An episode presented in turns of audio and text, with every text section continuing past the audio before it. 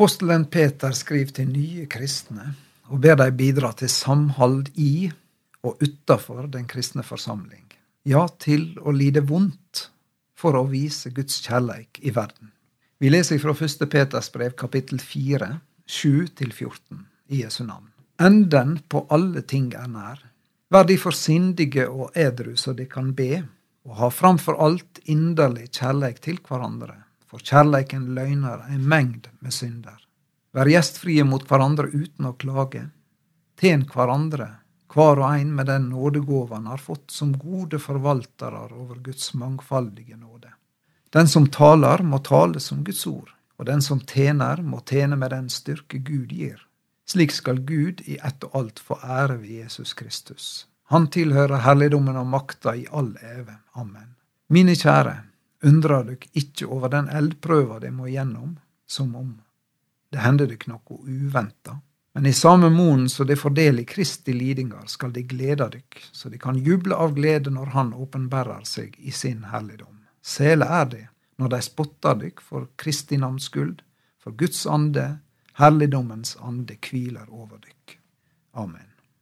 Det kristne fellesskapet, Guds familie, om det er stort eller lite på et lokalt sted, så er det både ei gåve og ei oppgave.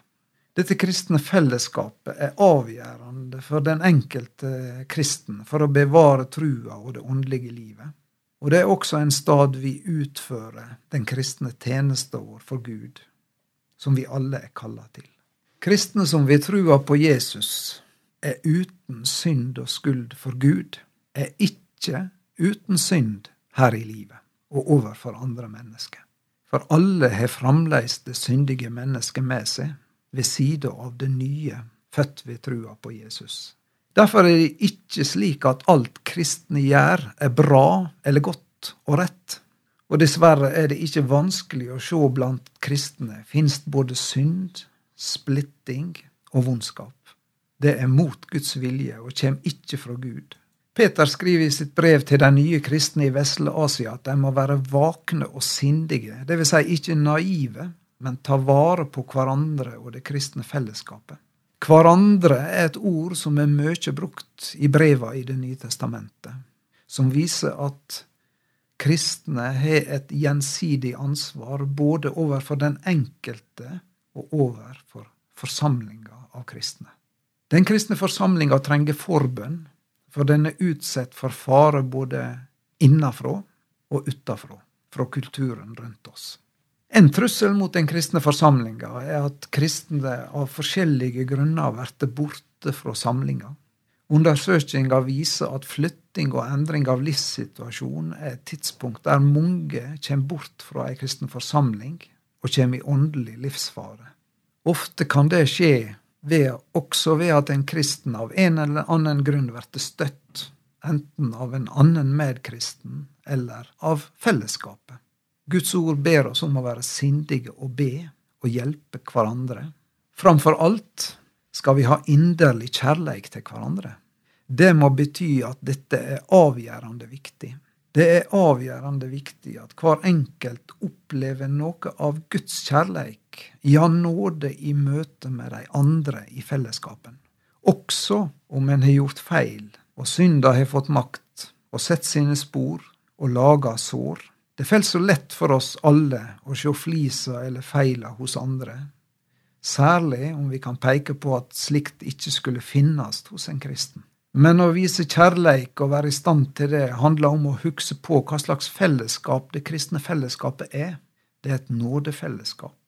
Vi kommer alle inn der med synd i vår bagasje, til Jesus, han som møter oss med ufortjent kjærleik og tilgivning, gang på gang. Vi får høre Han til som vi aldri hadde synda. Guds kjærleik er så inderlig ufortjent det er denne type kjærleik vi blir bedt om å vise når vi kristne møter andre kristne søsken som har synda. Og Derfor holder Peter fram. I kapittel 3 skriver han, vers 8 og 9, vær samstemte, vis medkjensle og søskenkjærleik, vær miskunnsame og audmjuke, lønn ikke vondt med vondt eller hån med hån. Nei, velsign heller, for de er kalla til å arve velsigning.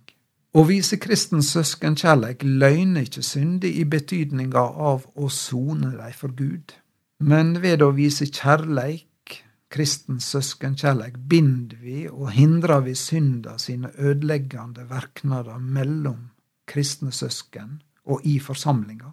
Det går an å sigre over det vonde med kjærleik, med det gode. I kjærleik går det an å tåle andre sine feil. Det kan koste. Det kan gjøre vondt og kan være audmjukende, for det døde vårt gamle, sjølrettferdige, syndige menneske. Men det spegler Guds kjærleik og holder den kristne familien sammen. Om vi leiter etter feil hos hverandre og holder opp, da vil den vonde ha lukkast i å splitte det som Gud vil skal høre sammen. Alle kristne brødre og søstre har fått ei tjeneste i Guds familie. Og alle truende har etter Guds visdom blitt nådig utrusta. Vi har fått ulike evner og nådegåver, som alle er like viktige i Guds øyne. Og sammen er vi sett til å forvalte Guds nåde her i verden. Du har fått ei tjeneste, du som er en kristen, i ei forsamling, i et fellesskap i verden. Et fellesskap som passifiserer folk og gjør dem til publikum, er ikke i samsvar med Guds ordning. Og Derfor så taler Første Korinterbrev 12 om at vi alle er en lem på Jesu Kristi kropp, som er hans folk på jord. Så har de kristne også ei oppgave utafor den kristne forsamling. Den er Guds ansikt i verden. Derfor er vi kalla til å vise Guds sinnelag også der. Det krevde særlig mye av de unge kristne i Vest-Asia på Peters tid, som var håna og trakassert. Men i stedet for å ta igjen ble de bedt om å lide vondt for Jesus skyld. Må Gud gi oss nåde også i vårt land, når Bibelens ord og vår tru er under massivt press og angrep, til å vise Guds kjærleik, sjøl om det gjør vondt. La oss be. Herre, gjør meg til reiskap for din fred.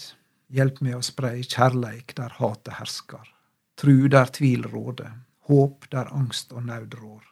Hjelp meg å få komme med tilgjeving der det er gjort urett, og skape forsoning der det er strid, og spreie lys der det er mørke, og gi glede der sorg tynger. Amen. Vi håper over en åpen bibel ved Kåre Lyd var til trøst og oppmuntring for deg. Ønsker du forbønn, send oss gjerne en e-post, så tar vi det med i vår bønnestund hver fredag ettermiddag. Adressen er post alfakrøll norea.no. Må Gud velsigne deg.